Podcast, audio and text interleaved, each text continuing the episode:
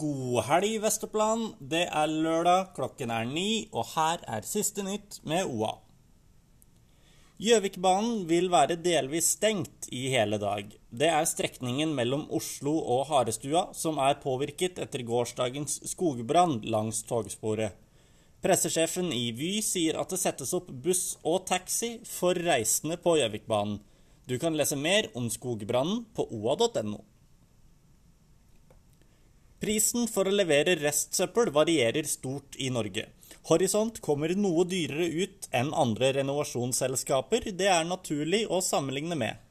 Du kan se oversikt samt lese Horisonts kommentarer på oa.no.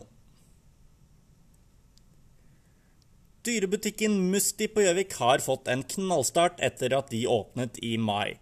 Da de skulle åpne, var de forsiktig optimistiske med tanke på beliggenheten, men nå ligger butikken an til å bli topp fem av alle Musti-butikker i landet. Det har gått over all forventning, og vi har hatt stor trafikk helt siden åpning, sier fungerende butikksjef Vera Skogli.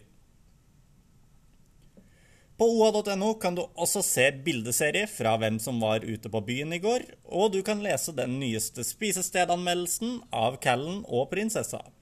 Ha en fortsatt god helg.